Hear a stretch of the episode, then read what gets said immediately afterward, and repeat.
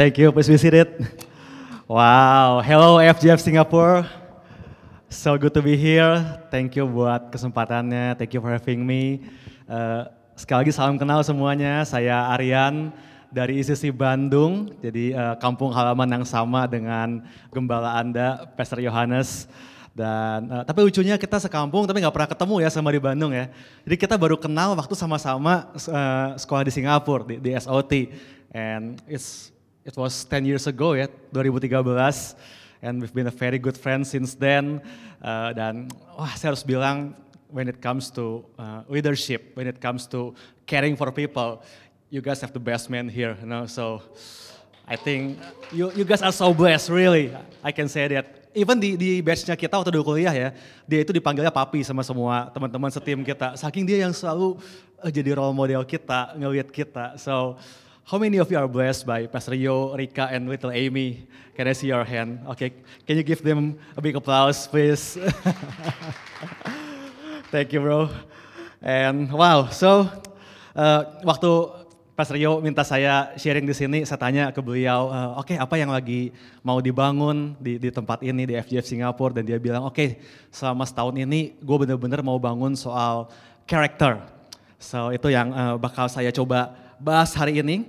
I'm going to share about one thing, uh, this one character yang kita semua I think harus punya sebagai anak-anak Tuhan. And this is a very important character, yaitu yang namanya generosity. Oke, okay, boleh sama-sama bilang generosity? Oke, okay. saya kasih dulu sharingnya, The World of the Generous. Oke, okay, The World of the Generous. Uh, saya nggak tahu di sini in Singapore, uh, but in Indo uh, couple months ago itu lagi ngehits banget satu drakor di Netflix yang judulnya The World of the Married. Ada yang nonton nggak di sini? Nggak ada kayaknya ya, atau ada tapi malu. tapi itu, eh by the way, Opa juga nggak nonton, Opa coba denger aja ya. tapi uh, katanya itu hits banget gitu ya, membahas semua lika-liku rumah tangga gitu ya, kehidupan pernikahan. But today, let me tell you about satu dunia yang lain yang gak kalah serunya, yaitu namanya dunianya orang-orang yang murah hati. Oke, okay, the world of the generous. Mari kita lihat apa yang Alkitab bilang soal ini di Amsal 11 ayat 24 dan 25. I read for you from the message version. Dibilang, the world of the generous gets larger and larger. The world of the stingy gets smaller and smaller. The one who blesses others is abundantly blessed. Those who help others are help. Oke. Okay? So ternyata guys, Bapak, Ibu, Saudara, teman-teman, ternyata besar kecil dunia kita itu ditentukan oleh kemurahan hati kita. Dibilang bahwa orang yang generous itu dunianya makin besar, gets larger and larger. Temennya makin banyak, networknya makin luas. I mean, bener gak sih kita semua seneng kalau hangout sama orang yang generous? Ya kan? Bukan karena kita pengen ditraktir, enggak, tapi kayak yang asik aja gitu kan, ini orangnya kayaknya fun, kayaknya caring banget, kayaknya nice person banget, kita seneng, right? Uh, dan sebaliknya, uh, kalau orang yang orang yang stingy gitu ya, dibilang their world gets smaller and smaller, dunianya semakin kecil karena isinya cuma tiga orang, yaitu me, myself, and I dalam dunia itu. Right? Itu dunia yang gak peduli orang lain, gak mikirin siapa-siapa, pokoknya gak mau berbagi, hidup hanya untuk diri sendiri, and most probably they will die alone also. Mati juga sendirian kayaknya. Right? Itu terjadi. So, sekali lagi, besar kecil dunia kita ditentukan oleh generosity kita, kemurahan hatinya kita. Dan saya percaya semua orang tempat, di tempat ini kita pengen punya dunia yang semakin luas tadi ya, pergaulannya semakin luas, networknya semakin besar gitu ya, larger world. Well, generosity is the key. Oke, okay, kuncinya adalah kemurahan hati. So today, let me just share three simple points about generosity. Oke, okay? tiga hal yang perlu kita ketahui tentang yang namanya kemurahan hati.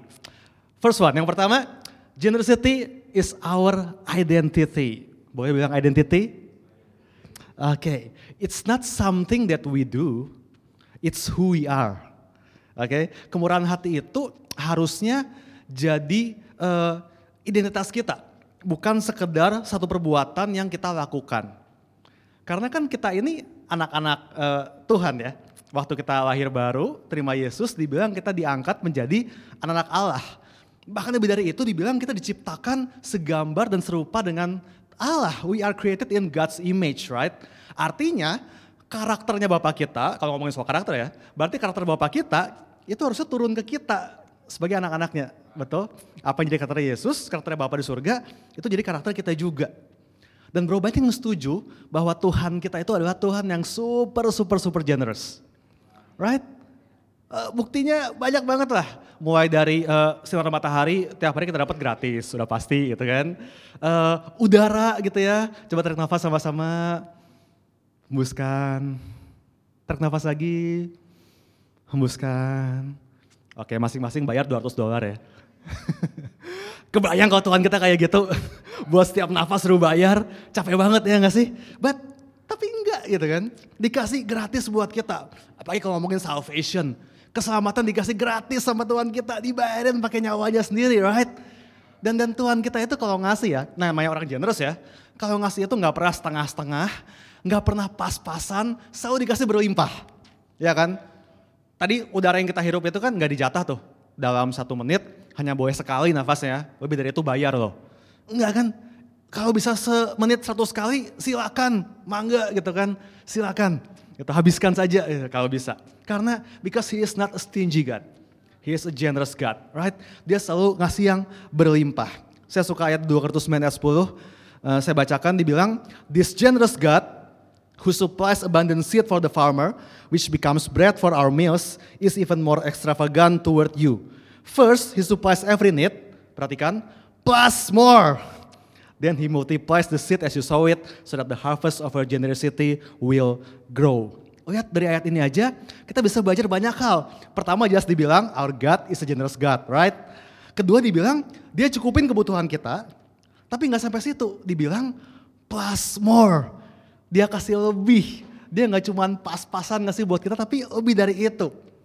Dan yang ketiga dibilang bahwa sebagai anak Tuhan yang generous, kita juga perlu generous dengan cara apa? By sowing the seed, right? Dengan menabur benih. Waktu kita menabur dengan murah hati, maka dibilang bahwa the harvest of our generosity, tuayan dari kemurahan hati kita itu akan bertumbuh. Oke, okay? jadi jadi jadi mari jadikan ini tadi identitas kita bahwa kita orang-orang yang murah hati, kita orang yang senang menabur, sama seperti Tuhan kita udah menabur banyak di kehidupan kita. Oke, okay? kita anak-anak Tuhan, kita mewarisi karakternya Tuhan, so generosity should be our identity. Amin ya. Jadi waktu waktu kita ngasih gitu ya ke orang lain dengan dengan generous, terus orang nanya, "Wih, kamu baik banget. Dalam rangka apa nih ngasih buat gue?" Kita bisa jawab, "Enggak dalam rangka apa-apa. Gue emang gitu orangnya." Asik gak sih bisa ngomong gitu? Nanti pulang dari sini gitu ya, pergi dinner, keluar makan, bayarin temennya makan. Wih, dalam rangka apa nih? Enggak dalam rangka apa-apa, gue emang gitu orangnya. Asik gak sih bisa ngomong gitu? Right? This is, this is who we are. Inilah diri kita, oke? Okay? Boleh bilang kiri kanannya, gue emang gitu orangnya. See, it's it's fun to be a generous person, right? And the world of the generous gets larger and larger. Oke. Okay? So itu yang pertama, generosity is our identity. Yang kedua, generosity is our mentality. Katakan mentality. Oke, okay? it's not about what's in our wallet, it's about what's in our mind. Jadi, Bapak Ibu, Saudara, guys, teman-teman, generosity ini nggak ada hubungannya sama berapa penghasilan kita, nggak ada hubungannya sama kita punya uh, rumah di mana, naik mobil apa, punya tas tipe apa, sepatu merek apa, nggak ada hubungannya sama sekali. Oke, okay? I know some people yang secara penghasilan mereka ya gak berlebih biasa aja, tapi kayak generous banget, suka banget berbagi, suka banget memberi. Sementara I know some other people yang uangnya nggak ada serinya gitu ya, they are incredibly uh, rich in term of of money, tapi kayaknya mau ngasih berat banget, susah banget. Uh, saya ceritain uh, I have one experience funny. Uh, buat yang pernah ke Bandung, ada satu jalan di Bandung uh, tempat di mana banyak street food, local street food yang namanya Cibadak. Ada yang pernah ke sana nggak Cibadak? Ya pas aja pasti tahu lah ya. Orang Bandung tahu lah ya Cibadak. Oke jadi ini satu jalan isinya tenda-tenda street food gitu. Uh, rame banget. Nah uh, one night saya lagi makan di situ malam-malam dan uh, di meja sebelah saya itu ada dua orang ibu yang mereka lagi ngobrol. Satu salah satu ibunya ini uh, dari penampilannya I know she's a rich woman. I mean wah pokoknya dandanan menor gitu ya, wah semuanya bermerek, pokoknya kelihatan lah ini ini banyak duit nih ya si ibu ini ya, oke. Okay? Nah tapi yang menarik gini, sepanjang dia ngobrol sama temennya, si ibu ini sibuk menceritakan dengan keras gitu ya, yang semua orang bisa dengar, betapa kayaknya dia. Jadi dia dia cerita soal rumahnya yang mewah, dia cerita soal mobilnya yang baru, dia cerita soal anaknya yang yang sekolah di luar negeri. Pokoknya wah dengan bersemangat, uh, wah dia cerita ngomongnya keras banget sampai seluruh tempat makan dengar lah itulah. Dia cerita betapa how, how rich she is, oke? Okay? Jadi uh, saya lagi makan kayak yang aduh ini si tante apaan sih gitu ya. Tapi ya udahlah itu berkata dia nggak apa-apa juga ya. Masa saya sirik kan nggak boleh ya. Oke okay, oke okay, nggak apa-apa itu oke. Okay. Nah oke okay, saya makan saya makan. Terus uh, tengah-tengah makan uh, kalau yang pernah ke Cibadak pasti tahu ya, suka uh, ada tukang ngamen. Oke, okay, ada jadi ada pengamen itu datang berdua, yang satu main gitar, yang satu lagi nyanyi ya gitu ya. Uh, pengamennya not bad lah. Oke, okay, uh, uh, nyanyinya nggak fals, main gitarnya kuncinya pas, pokoknya oke okay lah, not bad lah. Mereka nyanyi dua lagu waktu itu sambil kami makan. Oh and by the way, sepanjang mereka nyanyi ya, si tante ini yang tadi, si tante menor ini nggak mau kalah dia ceritanya makin keras suaranya. Pokoknya nggak boleh kemakan suaranya sama si pengamen ini. Wah makin keras pokoknya. Wah this is, wah ini, ini lucu banget lah pokoknya. Oke okay, anyway, beres nyanyi si pengamen dua lagu, tentunya satu orang si vokalisnya itu dia buka topinya dan lalu dia mengedarkan topinya ya ke meja-meja buat buat collecting gitu ya. Oke, saya ngasih, terus bahkan ada yang ngasih dan sampailah dia ke meja si uh, ibu tadi, oke si ibu kaya tadi. Lalu si ibu kaya ini uh, meletakkan uang di dalam topinya gitu ya. Dan saya sampai hari ini nggak pernah lupa uh, bagaimana reaksi si pengamen itu. Ini saya bakal ucapkan kata-katanya persis seperti yang dia bilang waktu itu. Jadi dia lihat topinya, dia lihat apa yang si ibu tadi taruh, dan dia berkata begini, Astagfirullah cepet. Setelah tahu cepet, 100 rupiah, it's like one, one cent here ya. It's like one cent. Less than one cent ya, hari gini dikasih one cent gitu kan, nyanyi dua lagu. itu saya, saya lagi makan kayak gitu kan langsung gitu kan pas dengar si pengamen ngomong gitu. But, but it's true. Dan dari situ saya, tadi saya bisa belajar, ternyata yang namanya generosity itu nggak ada hubungannya sama how much you have in your wallet. It's about your mentality. It's about what's in your mind. Oke, okay? kebayang ya? Oke. Okay? Dan tadi kan udah dibilang bahwa kita ini anak raja. We are children of the most high king, right? Jadi harusnya mentalitas kita juga mentalitas raja. I mean, I love it in in English di bahasa Inggris keluarga kerajaan itu disebutnya apa coba? The royals, right? Dan dalam bahasa Indo royal artinya apa? Ya royal gitu kan. Suka ngasih, suka bagi-bagi gitu kan, suka suka memberi kan. So as the royals sebagai keluarga kerajaan, kita harus jadi orang-orang yang paling royal paling suka berbagi, paling suka memberi, itu harusnya mentalitas kita. Mentality of the king, right? So saya bakal kasih lihat beberapa perbedaan, some difference between the the mentality of a king and mentality of the common people, the rakyat. Oke, okay? saya bakal kasih lihat ya. Yang pertama, yang namanya rakyat itu ketika dapat berkat, mereka selalu mikirnya, how can I spend it? Rakyat selalu mikirnya buat diri sendiri aja. Yang penting I can live, saya bisa hidup, udah uh, just like little children. You know, anak kecil ketika dikasih uang, mereka bakal langsung berpikir, how can I spend this? Okay, I will buy the newest uh, PlayStation game, gitu kan? Atau I will buy uh, uh, McDonald French fries, one whole big bucket, gitu kan, buat dia bisa sendiri. Pokoknya they think about how can they spend it, gitu kan, buat their own satisfaction, right? Itu mentalitas rakyat. Tapi yang namanya raja, the king, When they get something, they will think, how can I manage this? Oke, okay? namanya raja itu selalu mikirin kepentingan orang banyak. Ya kan? Gimana supaya lebih banyak orang, they can have better life. How can I bless people with this? Jadi waktu when we get something, we get some blessings, kita nggak cuma mikir buat diri sendiri aja, but kita bakal mikirin, how can how can this bless my family? How can this bless my friend? How can this bless my pastor? How can this bless my church? how, how can this become a blessing for more people? How can I manage this? So, so that more people can be blessed. Itu yang namanya mentalitas raja. Oke, beda banget ya.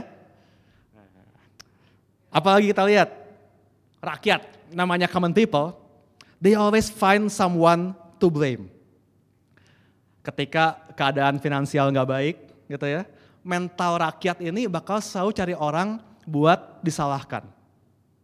Salahin toko lah yang harganya naik, salahin orang tua lah yang telat ngirim uang bulanan, salahin uh, bos lah yang nggak naikin gaji itu kan, salahin pemerintah, salahin anggota care groupnya yang nggak mau bantuin, pokoknya salahin Tuhan sekalian, pokoknya semua salah orang lain. itu mentalitas rakyat. They always find someone to blame. But a king, a king will take responsibility. Dia bakal ambil tanggung jawab. Kalau hari ini keadaan saya nggak baik, artinya I must work harder. I must manage better I must uh, I must do something better better dengan apa yang ada di tangan saya hari ini. Apa yang bisa saya perbuat dengan apa yang saya punya hari ini. Raja bakal ambil tanggung jawab. Gimana caranya supaya keadaan bisa lebih baik. Right? Beda ya mentalitasnya ya. Oke. Okay. Dan yang terakhir ketiga, rakyat itu they always think only about today. Mikirnya selalu kalau rakyat itu nggak pernah panjang. Dapat uang hari ini, habisin hari ini langsung, gitu kan? How about tomorrow? Ya besok gimana besok gitu kan, gimana nanti. Sebelum saya jadi uh, full time di gereja, saya dulu pernah uh, kerja sebagai direktur di sebuah pabrik di Bandung. Dan uh, saya punya seorang karyawan yang mungkin yang, yang mungkin punya perusahaan juga atau keluarganya punya perusahaan, pasti pernah mengalami ya. Uh, ada beberapa karyawan yang tiap bulan tuh hobinya kasbon. Uh, saudara tahu kasbon ya, kasbon itu uh, minjem uang company, yang nanti dicicil tiap bulan dari gajinya gitu kan.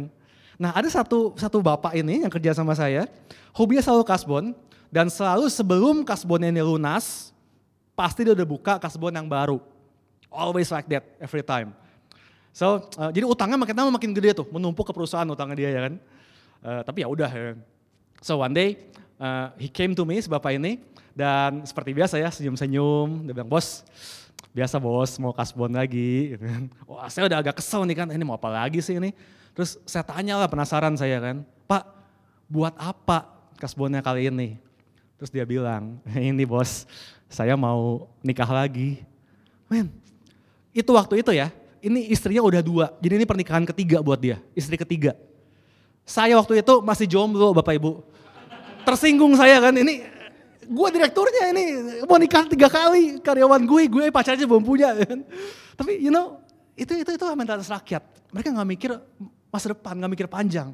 Pokoknya yang penting hari ini bisa menikmati, bisa yang gampang aja yang enak. I mean, yang udah menikah di sini tahu ya, how many of you agree bahwa menikah itu nggak murah sebetulnya, ya kan? Tapi dia pikir itu shortcut buat buat bisa, you know, nah, mikirnya cuma buat jangka pendek doang, gitu kan?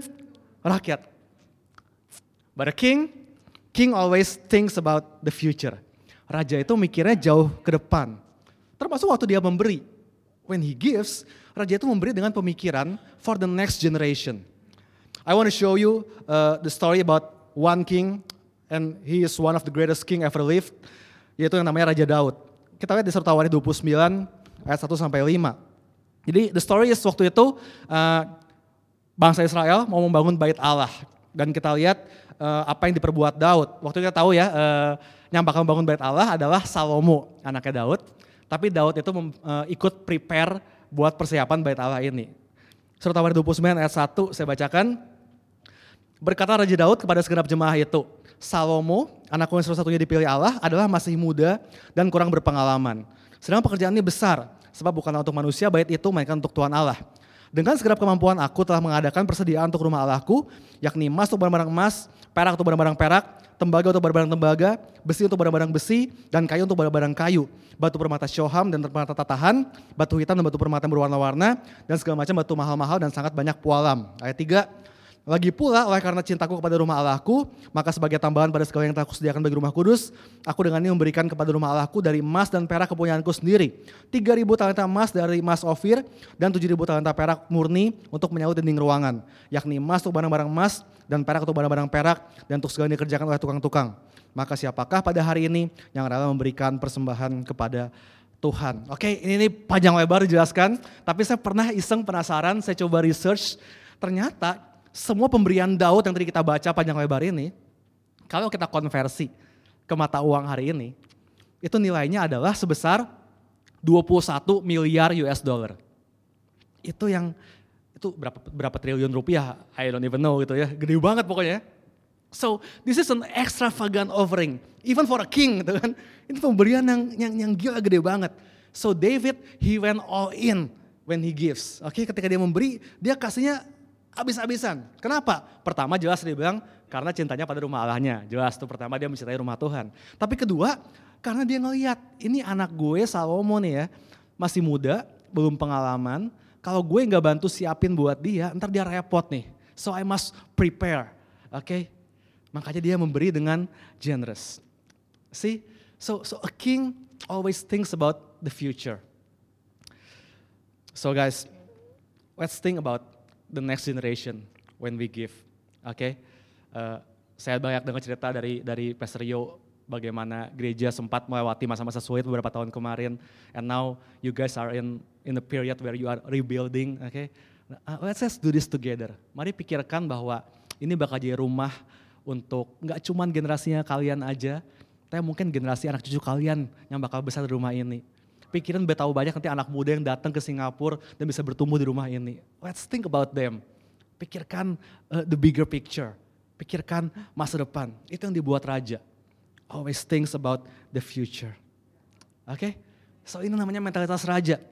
The generous mentality. Dan buat buat punya mentalitas ini, again, nggak perlu banyak uang dulu dari apa pun yang kita punya hari ini. Oke? Okay? Karena ini bahkan gak, gak cuma ngomongin uang, right? Kita kalau generous itu bisa ngasih waktu kita, kita bisa ngasih tenaga kita for ministry maybe, for volunteering, uh, many things we can give. Oke, okay? yang penting mentalitasnya. Oke, okay? it's not about what's in our wallet, it's about what's in our mind. Generosity is our mentality. Itu poin yang kedua. Diberkati sejauh ini? Oke. Okay. Terakhir yang ketiga ya. Tadi yang pertama generosity is our identity. Yang kedua it's our mentality. Yang ketiga generosity is our opportunity. Katakan opportunity. Oke, okay, so so actually it's not losing, it's gaining. Okay? orang yang generous akan melihat giving itu sebagai sebuah kesempatan. Kesempatan buat apa? Yang pertama, opportunity to contribute. Ya, ini adalah kesempatan buat kita bisa terlibat di pekerjaan Tuhan. Tadi lihat Daud ya, kita tahu kan uh, Daud ketika dia membangun bait Allah, lalu Tuhan bilang, oh enggak bukan kamu yang bakal bangun, karena tangan kamu berumuran darah. Nanti anak kamu Salomo yang bakal bangun bait Allah. So when, when David heard that, dia nggak terus, wah bisa tiduran, oke okay, ternyata bukan gue, gue gak usah ikutan, urusan Salomo nanti. Enggak, dia mikir oke okay, meskipun bukan saya yang bangun, but I want to contribute. How can I contribute? Oke, okay, I will prepare something for my son. Nggak deh? Dia dia dia nggak mau miss kesempatan itu, opportunity itu. Oke? Okay? So hari ini saya tahu nggak semua dari kita mungkin terpanggil untuk pelayanan misi ke daerah-daerah yang jauh gitu ya. Nggak semua dari kita terpanggil buat bicara di depan sini mungkin. Ya. But you know, your giving can go there. Right? Ya kan? bahwa secara fisik kita nggak ikut ke daerah di mana gitu mengabarkan Injil, tapi pemberian kita bisa nyampe ke sana. Ya. Mungkin bukan engkau yang bicara di depan sini di mimbar ini, tapi pemberianmu bisa ikut berbicara buat generasi ini. Right? So, so dan itu baru soal uang tadi kan, belum tadi waktu kita ngasih our time, our energy, itu juga bentuk kontribusi kita. So giving is an opportunity to contribute. Oke? Okay? Buat apa lagi? Opportunity to inspire. Ini yang saya suka. Bahwa ternyata our generosity, it will it will inspire other people to become generous also. Lihat terusannya kisah Daud tadi. Saya bacain uh, dari ayat 5-nya deh dalam bahasa Inggrisnya ya, dibilang bagus banget. Dibilang tadi udah baba-baba disebutin berapa yang didonate sama David. Dibilang and for other gold and silver work to be done by the craftsmen. Now then, verse 5, who will follow my example and give offerings to the Lord today? Ayat 6-nya dibilang, Then the family leaders, the leaders of the tribes of Israel, the generals and captains of the army, and the king administrative officers all gave willingly. Lihat, semuanya jadi pengen ikutan. Mereka lihat, wih, raja kita memberi dengan generous. Akhirnya semua officialnya, pejabatnya, jenderalnya, kita juga pengen ikut nih. Kita pengen ikut memberi juga. I mean, isn't it great bahwa di tengah dunia yang semakin selfish ini, semakin egosentris ini, ternyata kemurahan hati yang kita berikan itu bisa menginspirasi orang lain loh. I mean it's true.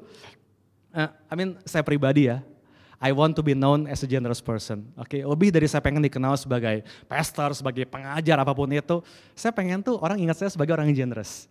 Jadi saya buat banyak program di di di di, di Bandung.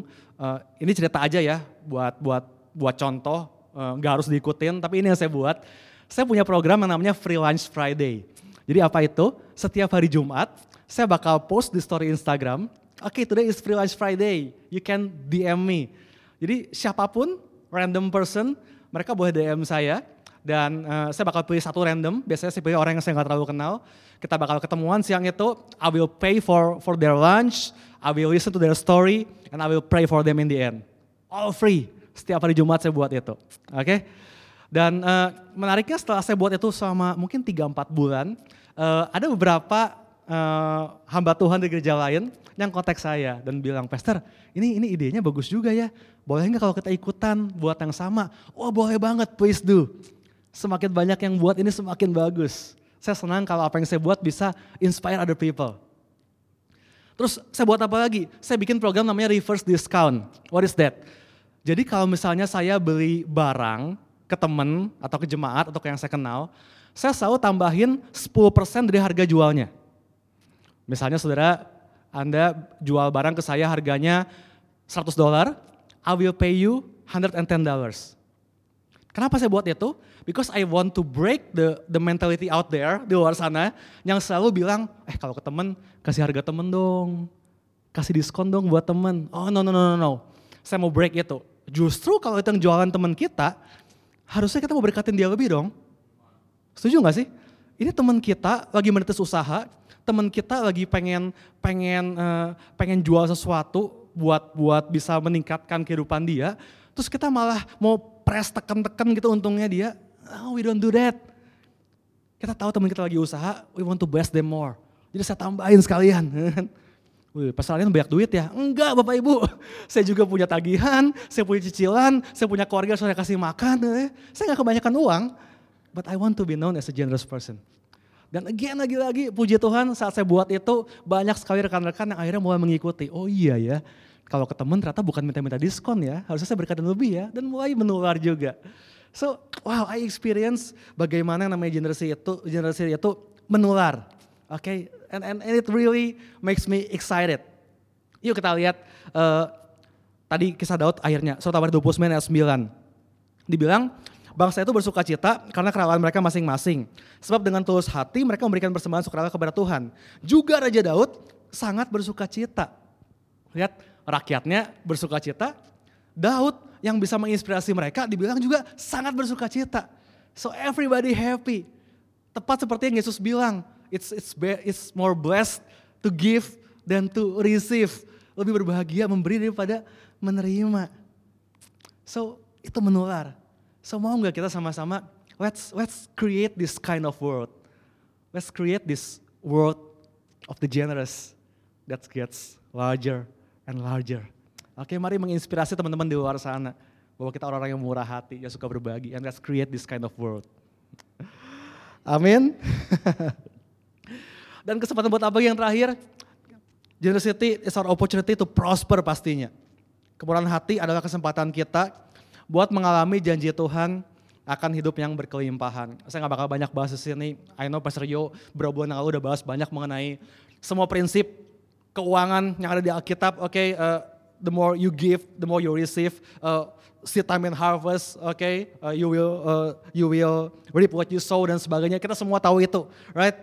Bahkan ulangan 15 ayat 10 bilang apa?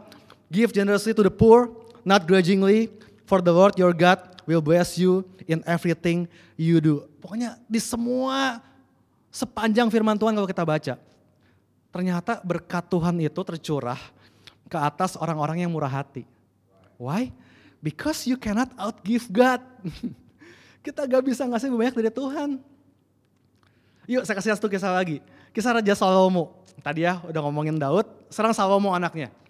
Setelah dia menggantikan Daud, ayahnya sebagai raja, lihat apa yang dia buat di satu Raja 3 4. Pada suatu hari raja, ini Salomo ya, pergi ke Gibeon untuk mempersembahkan korban.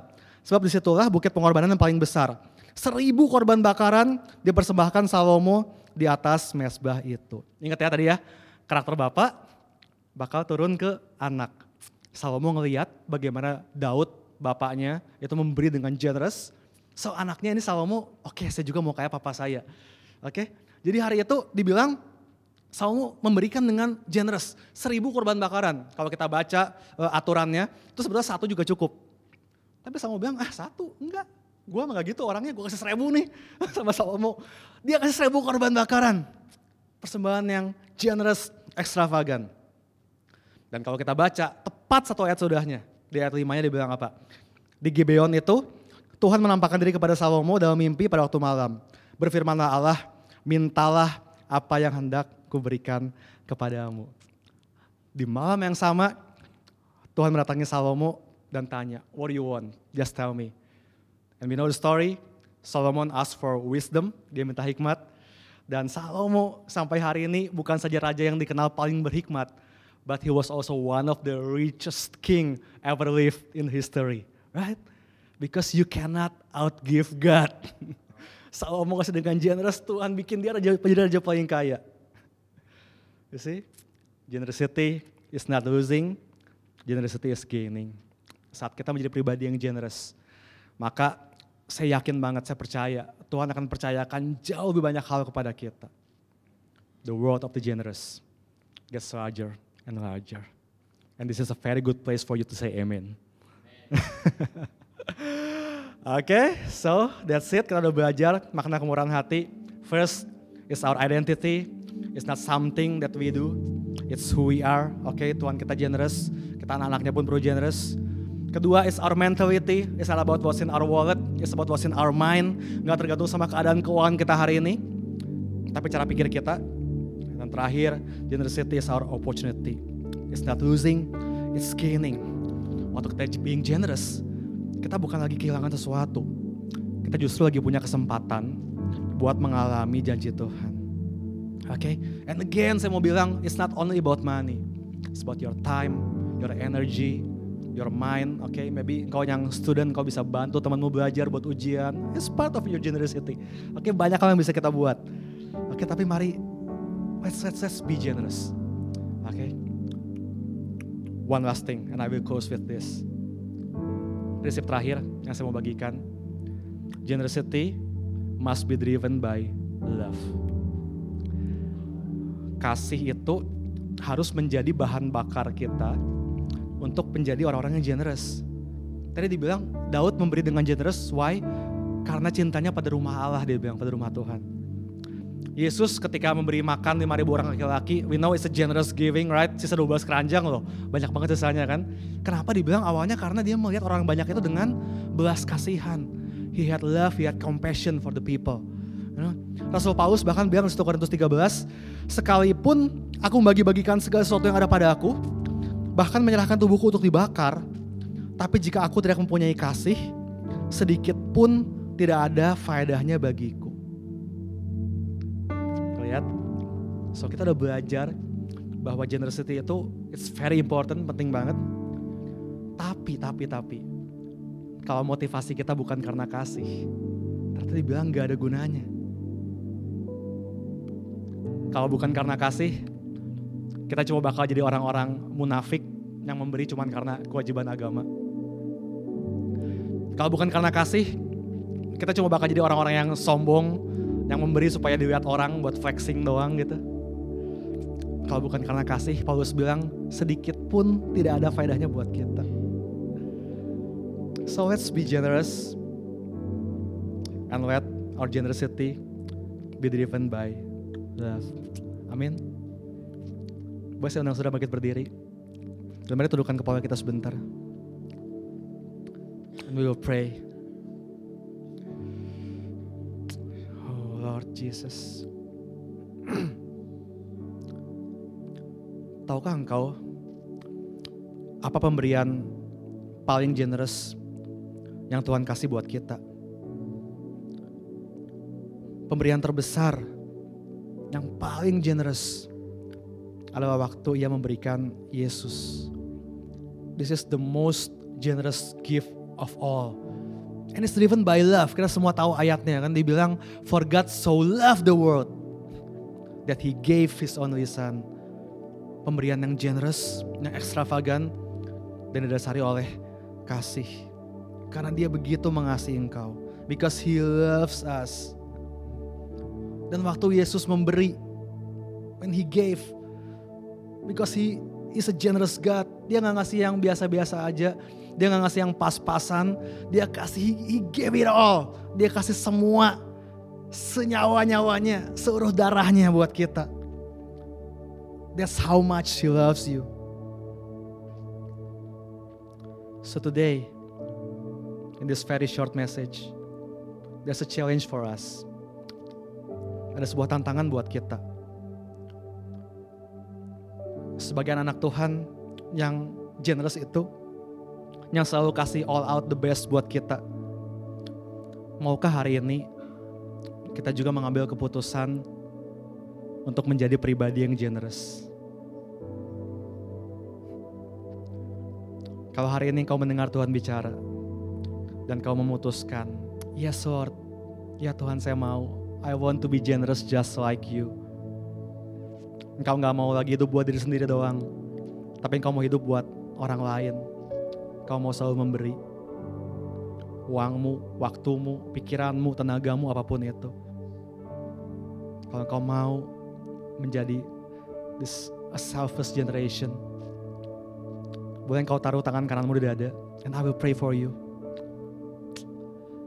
Oh Jesus. Tuhan ini komitmen kami hari ini. This is our decision today. Kayak mau katakan, kami mau jadi pribadi yang generous seperti Tuhan kami. Seperti Bapa kami di surga. Kayak murah hati. Kami katakan hari ini enough with all the selfishness. Cukup dengan semua keegoisan, Cukup dengan semua hidup yang cuma mikirin diri sendiri. Cukup dengan itu semua. From today onwards. Kayak mau hidup buat orang lain. Kayak mau kasih yang terbaik buat sesama kami. Buat Tuhan. Buat keluarga kami. Buat teman-teman kami. Buat rumah Tuhan. Buat gembala kami. Buat siapa pun itu yang Tuhan taruh di hati kami. We want to give the best. Kayak menjadi a selfish generation generasi yang gak mikirin diri sendiri, generasi yang suka memberi, generasi yang generous. Bantu kami Tuhan, mampukan kami, biar Engkau temukan kami sebagai pengelola yang baik dan setia. Saat kami pulang nanti, kami bisa dengar Tuhan berkata, well done, my good and faithful servant. Kami mau terus setia dalam memberi, setia dalam kemurahan hati, dan kami percaya saat kami setia, mungkin dengan perkara yang paling kecil hari ini. Di situlah Tuhan akan percayakan buat kami perkara-perkara yang jauh lebih besar, melebihi apa yang pernah kami pikirkan. Yes, Lord. Terima kasih Tuhan buat ibadah hari ini. Mari jemaat Tuhan angkat kedua tanganmu dan berterima berkat Tuhan. Pulanglah dengan berkat Tuhan, dengan kasih karunia Tuhan. The grace of God, the peace of God, the joy of God, overflow in your life, melimpah dalam hidupmu, so much that you cannot contain it. Begitu besar, begitu banyak sampai engkau nggak bisa menampung sendiri dan engkau harus memberikannya keluar kepada orang lain. Biar Tuhan melimpahkan kepadamu begitu banyak. And I pray sepanjang minggu ini Tuhan, pertemukan kami dengan orang-orang yang perlu kenal Yesus, dan biar mereka melihat Yesus yang hidup melalui kehidupan kami. Thank you Lord, we love you, we honor you, In the name of Jesus, semua ini berkati hari ini sama-sama katakan. Amin. Beri komen buat Tuhan kita.